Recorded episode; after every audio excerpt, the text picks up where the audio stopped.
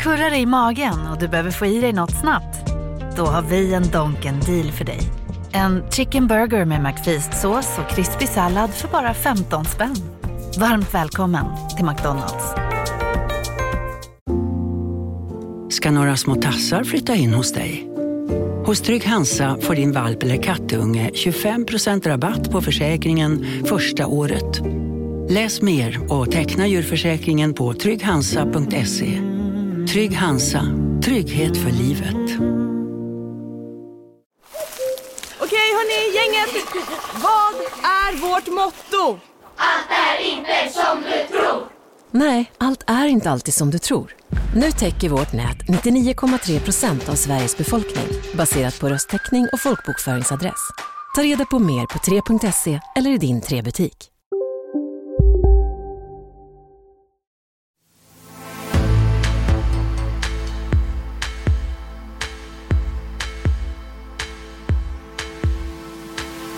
Kanske viktigaste medskicket är att man måste agera i tid. Jag har ju följt utvecklingen i Södertälje, jag kommer själv från Södertälje och man blundade ganska länge med att man hade problem i den staden. Jag tror att det som sker nu kommer att påverka världen mer än 11 september-attackerna. Det oförsonliga avgrundshat som nu blossar kommer inte att blekna bara för att det här kriget tar slut. Metall har bekymmer med Tesla. De vill inte teckna kollektivavtal i Sverige.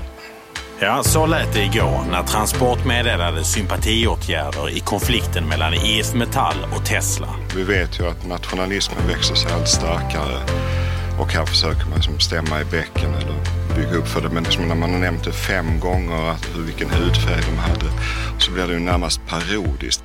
Julhandeln spås minska för första gången på tio år. Är konjunkturen i botten nu eller är vi bara i början på något mycket värre? Tuffare kontroll ska förbättra vården av unga på SIS, HVB och familjehem. Kan det där stävja gängvåldet? Kriget i Gaza fortsätter och med det växer också hatet. Vad säger tonläget i debatten om våra ryggmärgsreflexer när det kommer till terrorism, krigets lagar och antisemitism? Den organiserade brottsligheten tränger allt längre in i våra kommuner och välfärdssystem. Men har det offentliga Sverige vaknat för sent? Och vad säger SVTs sätt att skildra den svenska historien om eh, vår samtid? En timme om veckan som varit. Jag heter Magnus Thorén. Mm, vi är ett gott stycke in i november får man säga och välkomna säger jag till Alice Teodorescu Måwe.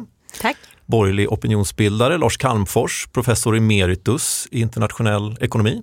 Tack. Och Paja Mola, chefredaktör socialdemokratiska idétidskriften Tiden. Välkomna alla tre. Tack så mycket. Eh, öppen fråga, vad, vad är det bästa med det här våta, kalla novembermörkret? Inget. Någonting? Det finns väl inget bra med det. Det gör inte det? Mysigt att tända ljus, det är väl det. Mm. Ja, det. Pajam. Mysigt med brasor. Ja, ljus och tända brasor. Eh, det är ett tag kvar till jul, men eh, i kulturnyheterna på radion så hörde jag häromdagen att eh, på streamingtjänsterna märker man tydligt att redan i augusti så startar ökningen så att säga av julmusiken. Fler och fler börjar streama det där. Eh, vad, när börjar ni lyssna på julmusik? Ja, inte nu i alla fall. Det är för tidigt nu och augusti funkar inte. Ja, nej, men jag håller med. Det känns ju som att det börjar tidigare och tidigare. Det är redan julpyntat på stan. Jag har ätit jättemånga lussebullar redan, det har jag gjort. Men är inte det sånt här man säger varje år? Det börjar tidigare och tidigare. Fast jag tror att det gör det. Det och kanske det kanske det också. också. är så att eh, just i år och just de senaste åren som har varit väldigt mörka eh, och dystra utifrån nyhetsläget så behöver man någonting att eh, gömma sig bakom och då är julen en bra sån Ja, sak. Lars Calmfors, okynnes lyssnar du redan under sensommaren? Nej, jag brukar nog inte lyssna så mycket framåt jul heller på julmusik. Okej. Eh, Payam, eh, du är debutant här i veckopanelen. Yes. Eh, hur känns det? Det känns kul. Och eh, lite nervöst, men det ska det väl vara också. Ja, men, men eh, Alice och Lars, ni kommer att vara snälla? Vi ska vara snälla. Inte för snälla. Nej. Det är vi alltid. Ja, vi, vi börjar som brukligt med ett par kortare puckar. Den första faktiskt med bäring på julen. Handelns utredningsinstitut, HI, de spår att julhandeln i år minskar för första gången på tio år. 3% handlar om i löpande priser. Julhandeln i det här fallet, det är all detaljhandel i december månad då som avses. Orsaken såklart den tuffare ekonomiska verkligheten eh, med inte minst stigande räntor och prisökningar. Eh, Pajamola, eh, är det oroande det här minskande köp Eh, det är beklagligt mer än allt annat tycker jag och jag tycker att svensk politik när det gäller det här området, alltså inflation, eh, prisökningar, det är ganska eh, absurt tycker jag för att prata klarspråk. Jag förstår inte varför det inte görs mer politiskt för att hjälpa människor med deras vardagsekonomi.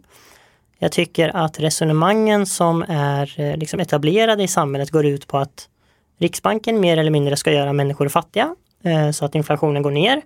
Och då kan man diskutera, har de lyckats göra människor eh, mer fattiga? Eh, ja, det har de uppenbarligen och, och eh, det verkar de ju vara ganska nöjda med.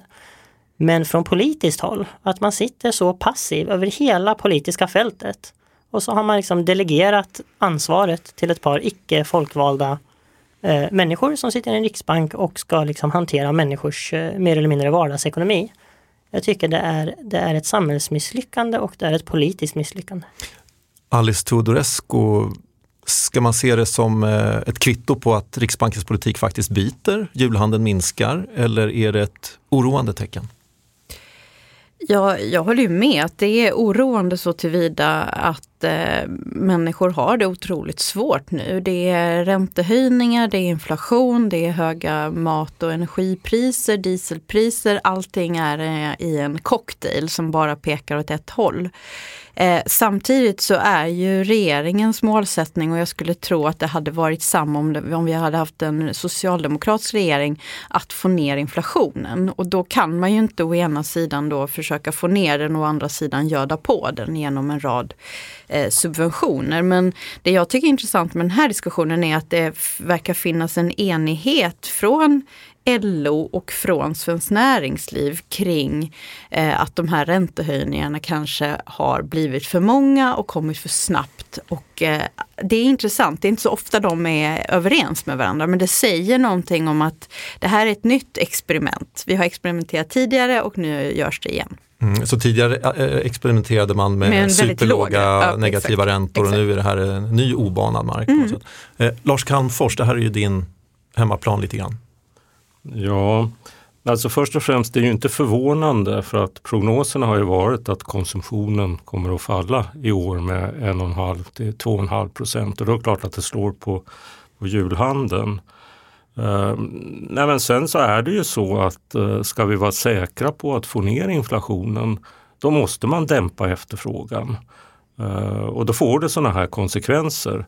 Sen kan man diskutera, ska vi säga, den exakta doseringen. Och då har jag också varit inne på att man kanske har höjt räntan lite för mycket och att det förmodligen inte ska vara så nödvändigt med en ytterligare räntehöjning. Ehm, men det vore väldigt konstigt om så att säga Riksbanken försöker bekämpa inflationen och sen skulle finanspolitiken göra tvärtom. Det finanspolitiken kan göra är att försöka stödja hushåll som eh, har låga inkomster. Och där kunde man ha gjort mer, men man har ju gjort en del. Man bytte ju nu ett jobbskattavdrag som så att säga ger mer även till de med låga inkomster, låga arbetsinkomster mot att man inte fortsatte att eh, indexera då brytpunkten för statlig inkomstskatt. Jag, jag tycker det är två delar i, i det här. Jag tycker eh, på ett sätt har det blivit märkligt tycker jag. Eh, det är en märklig ordning i en demokrati när du har en, en riksbank som har man har liksom, politiken har delegerat ett så stort ansvar för människors privatekonomi eh, till några människor som man inte kan rösta bort eller som man inte kan välja eller liksom avsätta. Och det där tycker jag är ett demokratiskt problem. Eh, men kanske större tycker jag handlar om det här med hur bekämpar man efterfrågan. Eh, så först säga att man, liksom, man behöver få ner den för att bekämpa inflationen. Men det kan man göra på många sätt. Det man har valt att göra nu är ju mer eller mindre att man tar pengar från människor och ger dem till bankägare genom att höja räntorna. Du hade lika gärna kunnat ta pengar från människor, placera dem i det offentliga, lägga dem i fonder eller placeringar eller investeringar eller göra annat med dem och på så sätt också dämpa efterfrågan. Höja skatten låter det som. Eller? Ja, absolut, du kan höja skatten och sen så kan du välja vad du vill göra med skatten, om du vill använda den nu eller senare. Men den här liksom direkta överföringen från människor till banker och så säger man att det här är det rimligaste sättet att bekämpa mm. inflation på. En kort kommentar Lars då, skulle man kunna ha gjort det istället? Låtit räntorna ligga kvar jättelåga och så höjt skatter eller på något annat sätt dämpat efterfrågan, fått ner inflationen? Jag tror i och för sig att räntehöjningar är ett bra sätt att eh, hantera det på. Sen eh, tillhör ju jag de som argumenterade en gång i tiden för att eh, göra Riksbanken självständig. För att vi hade ett system tidigare där man inte lyckades kontrollera inflationen.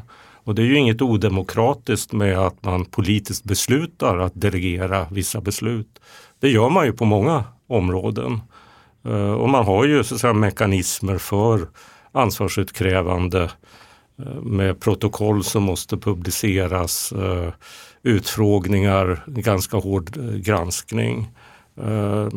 Sen tycker inte jag heller att politiken har varit perfekt. Och jag tycker också att det är ett problem med de vinster som bankerna gör.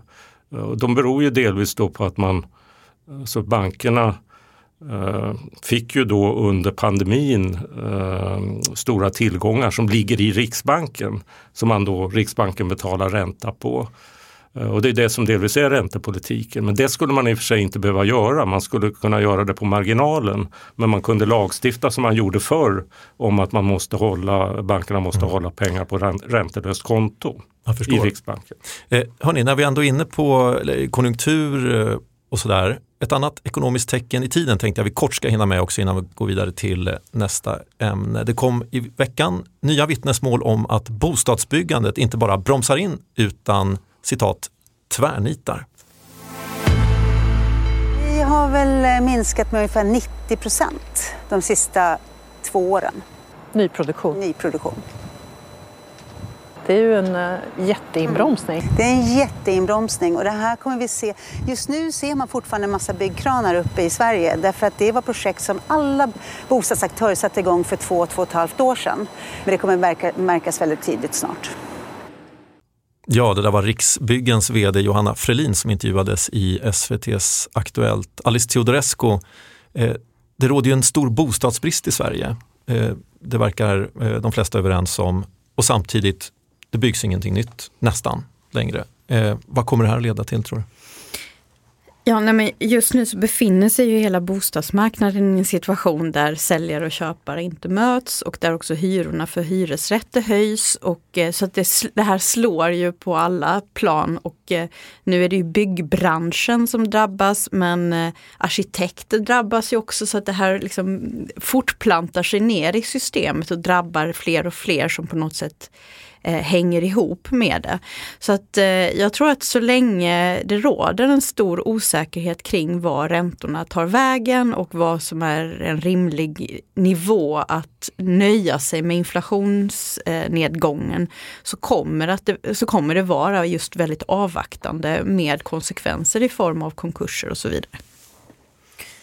Nej, men för mig, jag tycker, jag tycker det här är eh, det är ganska talande för Sverige. Jag tror att någonting har hänt Eh, med det svenska samhället och den svenska politiken som gör att man, man förmår inte längre att lösa samhällsproblem. Det här har varit ett problem länge. Bostadsbristen är inte ny, den låga takten på att bygga är inte ny och nu har det liksom tvärdött. Och jag är ganska säker på att om fem år, om tio år så kommer vi sitta där och så kommer vi säga eh, men varför var det ingen som gjorde någonting? Och varför var det ingenting som hände? Och återigen så tror jag här att man har delegerat bort ansvaret. Jag tror att eh, våra rikspolitiker känner inte att bostadsbyggande är deras ansvar. Det är marknadens ansvar och eh, på sin höjd så kan de tänka sig något litet investeringsstöd här eller någon liten regelförenkling där. Men de är nog ganska nöjda med, med den typen av justeringar och jag tror att vi måste, vi måste få till en attitydsförändring. Mm. Eh, sitter politikerna för mycket med armarna i kors när det gäller det här, Lars? Kanske. Det finns ju strukturella problem här och det är ju att vi bygger och har byggt under lång tid alldeles för få hyreslägenheter. Så det har ju varit en, en obalans i det vi bygger. Och det är klart att det är ett problem att, att byggandet av hyreslägenheter nu också kollapsar. Det är det. Ekonomi är vi inne på. Vi fortsätter lite i samma spår. Vi ska börja med strejken mot biltillverkaren Tesla som nu växer. Nu ansluter sig även LO-förbundet Seko till konflikten. Metall har bekymmer med Tesla. De vill inte teckna kollektivavtal i Sverige. Ja, svenska fackföreningsrörelsen har ju knutit näven rejält och trappat upp konflikten för att försöka få elbilstillverkaren Tesla och Elon Musk då i förlängningen att krita på ett hederligt svenskt kollektivavtal. Flera förbund sluter upp i den här kampen bakom IF Metall, Seko och även Transportarbetarförbundet är med. Som vi hörde i uttalandet här från SVTs Aktuellt. Alice Teodorescu, eh, man brukar säga så här, eh, välj dina strider. Eh, är, är mäktiga Tesla en bra strid för svensk fackföreningsrörelse? Men jag tycker det finns två perspektiv i det här. Å ena sidan så har ju vi en svensk modell som bygger på att arbetsgivare och arbetstagare genom facken då och eh, förbunden eh, träffar avtal eh, och det är den svenska modellen. Så att ska man ha den modellen och inte ha en lagstiftad eh, lön och så, så, så är det det som gäller.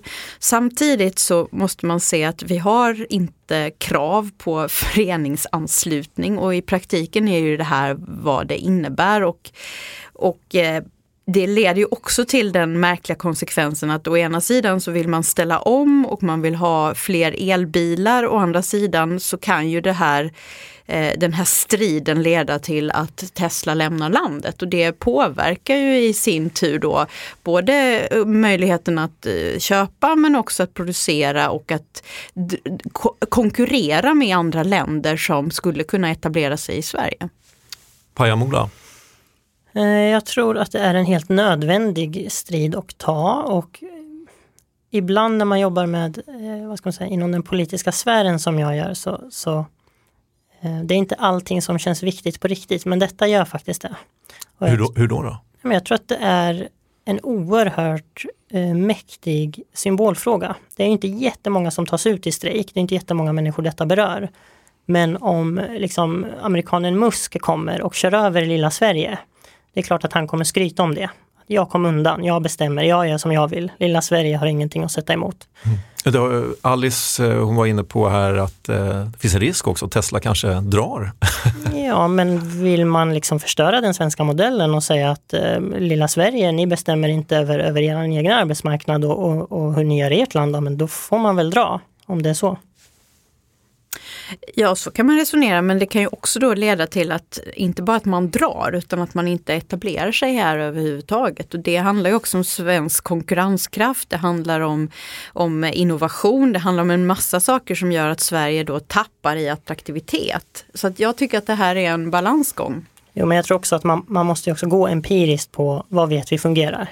Och vi vet ju när vi jämför Sverige med andra länder. Vi är en framgångsnation, vi är en exportnation, vi är en tillväxtnation. Vi var. Vi ligger, eh, jämfört med andra så ligger vi fortfarande relativt före eh, fastän vi tappar, absolut. Men vi vet ju empiriskt, det är inte en fråga om åsikt eller liksom, eh, vad man tycker utan det är, det är ju fakta, den svenska modellen fungerar. Näringslivet funkar, näringslivet gillar den svenska modellen, fackföreningsrörelsen gillar den svenska modellen.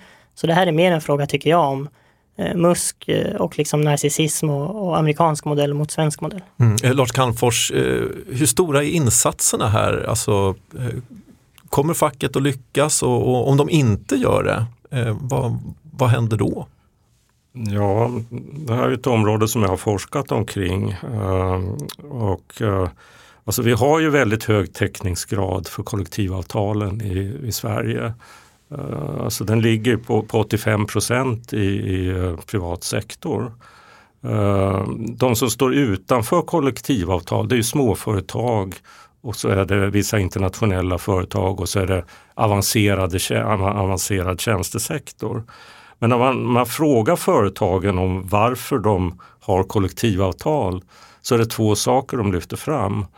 Att det ger dem ett gott anseende i Sverige och eh, goda relationer till de anställda.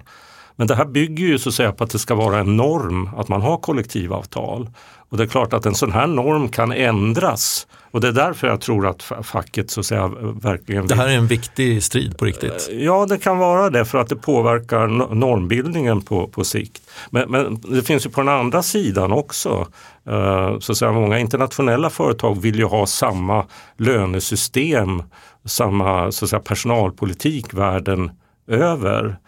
Uh, Globaliseringen i förlängningen. Ja, och, och finns också ofta antifackliga attityder. Uh, så för dem är det också en viktig principfråga. Och jag har svårt att egentligen säga hur, hur det kommer att gå. Men jag tror att det är viktigt så att säga för, för den fackliga sidan och för vår kollektivavtalsmodell hur det går här. Ja, vad säger ni då, Alice och Payam? Hur, Nej men jag håller med, som sagt det finns goda argument för, för båda sidor tycker jag. Och det är liksom vilket perspektiv man, man väljer. Men någonstans kan jag tycka att det primära är väl ändå att man, att man erbjuder goda arbetsförhållanden och bra löner. Och gör man det i en nivå som ligger högre än facket så har jag väldigt svårt att på liksom principiell grund argumentera för att det är fel. Men det är det vi inte riktigt vet. Uh, så när, det gäller avancerad tjänsteproduktion med högutbildade då är det ofta så att de här företagen som inte har kollektivavtal erbjuder bättre villkor. Mm. Men när det är mer ska vi säga, manuellt arbete så, så är det mindre klart uh, om, om det är på det sättet. Mm. Vi får se vad som händer i den frågan och därmed så lämnar vi den här beefen mellan LO och Elon Musk och hans eh, Tesla. Hej Sverige! Apoteket finns här för dig och alla du tycker om. Nu hittar du extra bra pris på massor av produkter hos oss. Allt för att du ska må bra. Välkommen till oss på Apoteket. Big Mac har miljarder fans över hela världen. Under mer än 50 år har den skapat popkulturell historia. En legend med 100% nötkött och den mytomspunna såsen. Nu finns Big Mac för bara 39 kronor på McDonalds. Hej, Synoptik här. Livet med glasögon ska vara bekymmersfritt. Därför får du 30% på alla glasögon när du väljer Synoptik All Inclusive.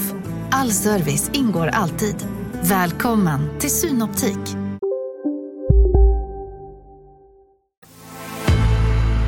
Idag lämnar Karina Olsson över sin utredning om den sociala barnavården till den moderata socialtjänstministern Camilla Waltersson Grönvall. Det handlar om brister på SIS ungdomshem, i HVB-hem och i familjehem. Jag kan lova dig en sak. Jag kommer att följa detta. För jag har pratat med de här barnen och jag vet att det är så mycket som står illa till.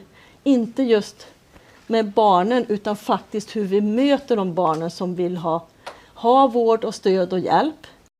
Ja, rapportering från Ekot i veckan och från presskonferensen där socialtjänstministern Camilla Waltersson Grönvall fick eh, 130 styckna förslag från utredaren Karina Olsson som till vardags är socialdemokratisk EU-parlamentariker.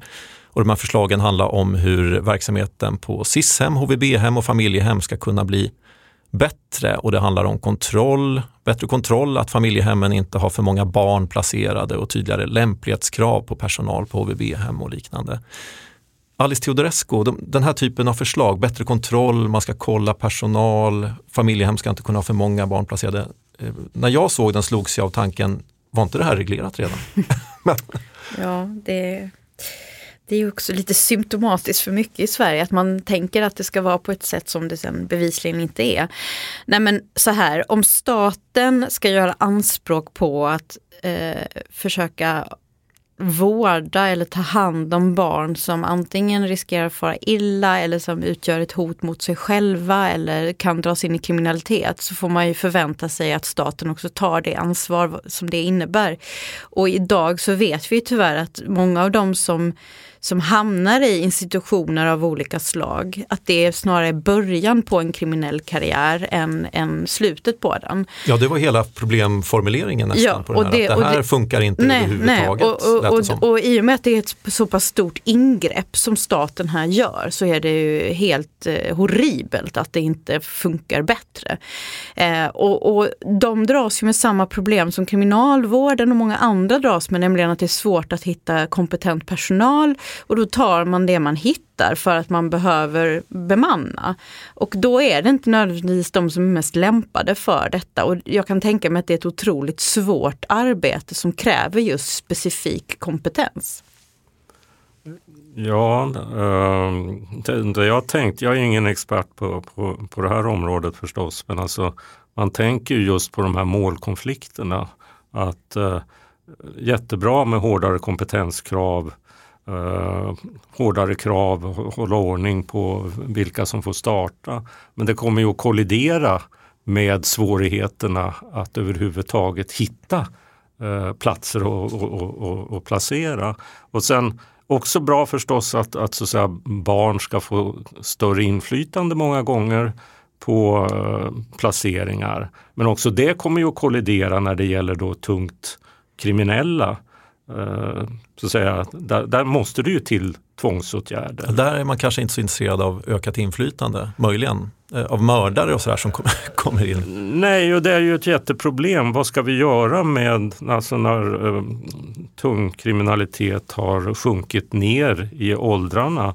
Vad ska vi göra? Å ena sidan så vill vi så att säga anpassa dem. Men å andra sidan är de ju farliga och måste låsas in under, under viss tid. Alltså borde vi ha ett system som vi har med psykisk sjukdom, att man låses in tills ja, man har någon form av utskriftsprövning. Men, men, problemet är ju också att mycket av, många av de här insatserna är, ju, är av något slags förebyggande karaktär och om de inte klarar av det uppdraget att förebygga så är det klart att då fortplantar ju sig problematiken ja. uppåt och till slut så liksom, då blir det bara inlåsning och det, det är ju ett misslyckande långt innan om man hamnar i statens omhändertagande och staten inte gör sitt uppdrag. Då är det inte konstigt att det blir värre och värre och värre och att det sjunker längre och längre ner i åldrarna. Painamola? Men utan att vara expert på det här området så, så tycks ju många av förslagen rimliga. Eh, men jag tror att eh, jag tror att lite som Alice var inne på att det, det, det, finns ett problem som handlar om att du kan ställa krav på papper och du kan liksom eh, ha riktlinjer och regler men i verkligheten så handlar det om människor, personal och kompetens.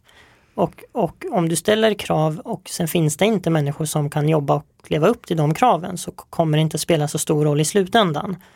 Och det här bekymret är ganska utbrett i välfärden. Det finns flera områden där samhället hela tiden höjer kraven och man höjer kontrollen och man höjer dokumentationen och personalen ska leva upp till vissa språkkrav och utbildningskrav Eh, men sen så går du ut på arbetsmarknaden och sen så hittar du inte de människorna. Handlar det om att det nästan är viktigare vad som står i något styrdokument än hur det faktiskt ser ut i Nej, verkligheten? Tror, är det det som blir resultatet? Alltså jag tror att på det, på det här området så de här barnen har ju många olika orsaker och anledningar till varför de behöver samhällets hjälp. Vissa har en familjeproblematik, andra har en viss risk att hamna i kriminalitet och kanske redan har hamnat där. Så det är klart att det finns en mångfald. Men jag skulle säga att det finns ju många kommuner i Sverige, vissa är också mindre. Att i en sån kommun så ska du hitta människor som har erfarenhet av och kompetens att jobba med 10, 11, 12-åringar som säljer knark, som är liksom kopplade till grov kriminalitet. Det, det, kan finnas människor i kommunen som aldrig har jobbat med det. Och jag menar, då kan du ha ett nytt dokument där det står att vi ställer kraven XYZ. Men det finns ju inte någon i kommunen som har jobbat med det. Det finns ingen kommun som vet hur det hjälper en 12-åring eh, som liksom på några minuter kan tjäna jättemycket pengar på att leverera paket med vapen i. Och, och, och, då tror jag bara att, eh, jag tror att hela samhället och hela Sverige måste rusta den kompetensen. Jag tror att kommuner och, och eh, kanske till vissa regioner kommer behöva stöd, hjälp. Att utbilda och bilda människor som mm. kan hjälpa dessa barn. Just när det gäller de grupperna, unga mördare, tungt kriminella, knarkförsäljare, alltså står samhället helt handfallet hur, hur man ska ta hand om dem. Ibland får man det intrycket, det är ingen riktigt som vet vad man ska göra. Men jag tror att vi har, vi har ju haft ett system som har utgått utifrån en helt annan problembild som inte längre är adekvat. Och då är det ju klart att den översyn av utbildningen för socialtjänstpersonal eh, och så, socialsekreterare, eh, är högst relevant därför att man måste man måste kunna svara på de utmaningar som faktiskt finns i samhället och inte det som var problem på 50-talet. Och, och, det där tar ju tid. Det tar tid att utbilda människor. Det tar tid att få kompetens och erfarenhet som gör att man klarar av att, att lösa det här. Så att eh, ja, jag känner mig väl ganska eh, pessimistisk för Glaset tillfället. är halvtomt. Ja, det är mer än halvtomt tyvärr. mer än halvtomt. Lars? Ja. Ja, men ni är också inne på det här att det är ett personalförsörjningsproblem. Och det har vi ju på många ställen i offentligt finansierad verksamhet. Och det betyder ju att man, det måste få kosta. Alltså även hur höga lönerna är, hur hög ersättningen är, spelar roll. Uh, och där behövs det säkert tillföras resurser. Så jag håller helt med om att det spelar inte så stor roll vad man skriver på ett papper. Nej. Skriver inte så stor roll hur många utbildningsplatser som man tillskapar om inte yrkena är tillräckligt attraktiva och det kommer att kosta. Vad man får i, i plånboken avgör, avgör mycket här i världen. Eh, så långt alltså panelen om julhandeln, Tesla-konflikten och eh, ungdomshemmen. Du lyssnar på veckopanelen och nu veckans huvudmeny.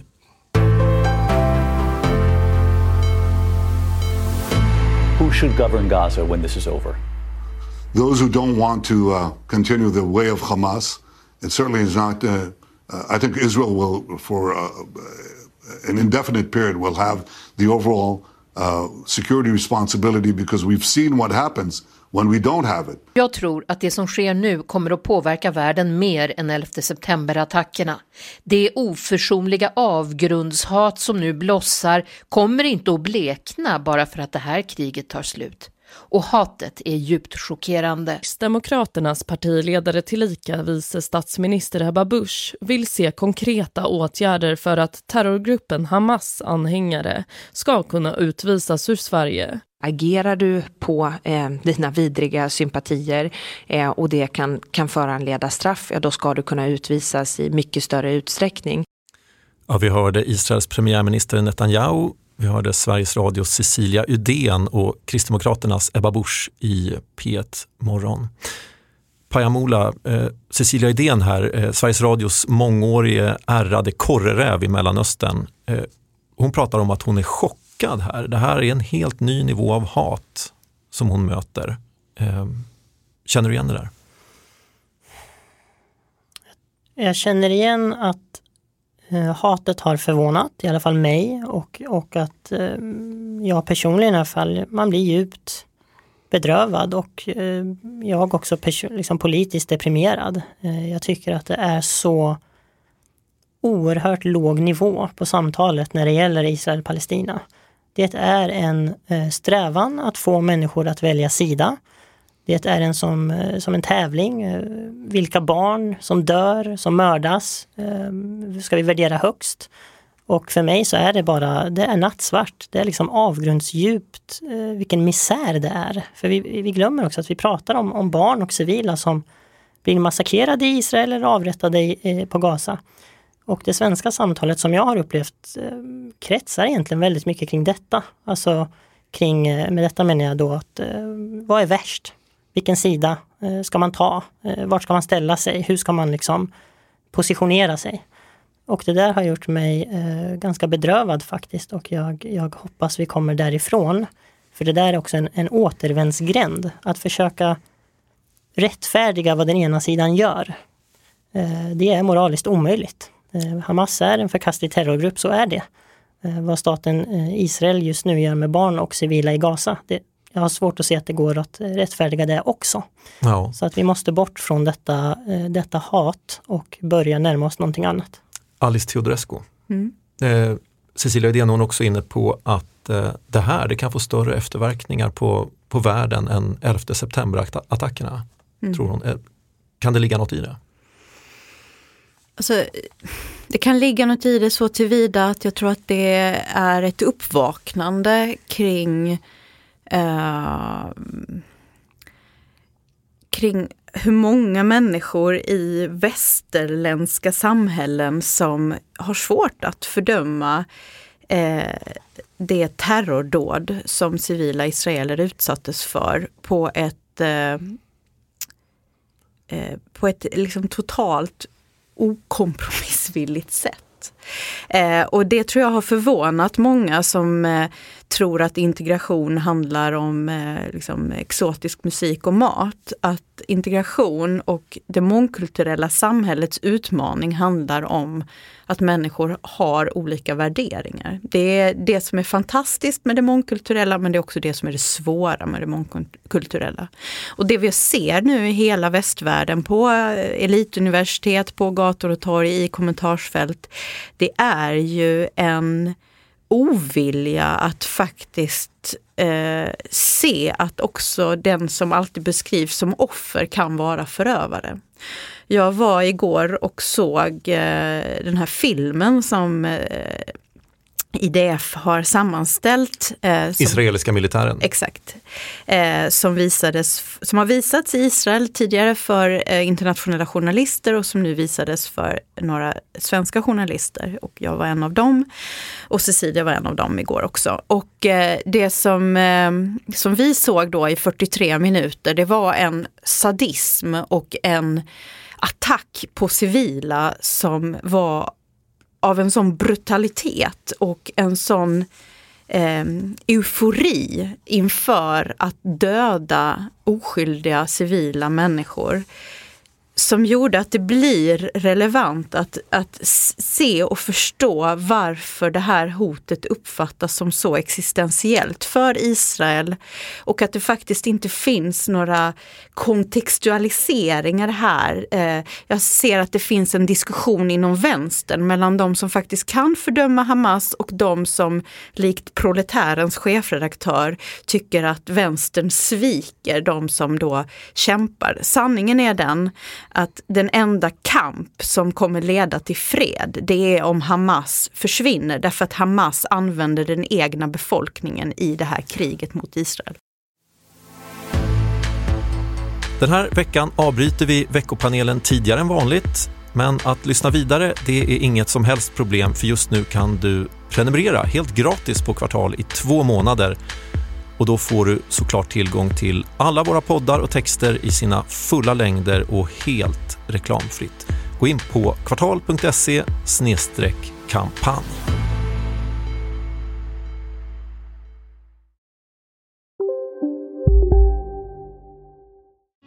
Hej, Susanne Axel här. När du gör som jag och listar dig på en av Krys vårdcentraler får du en fast läkarkontakt som kan din sjukdomshistoria.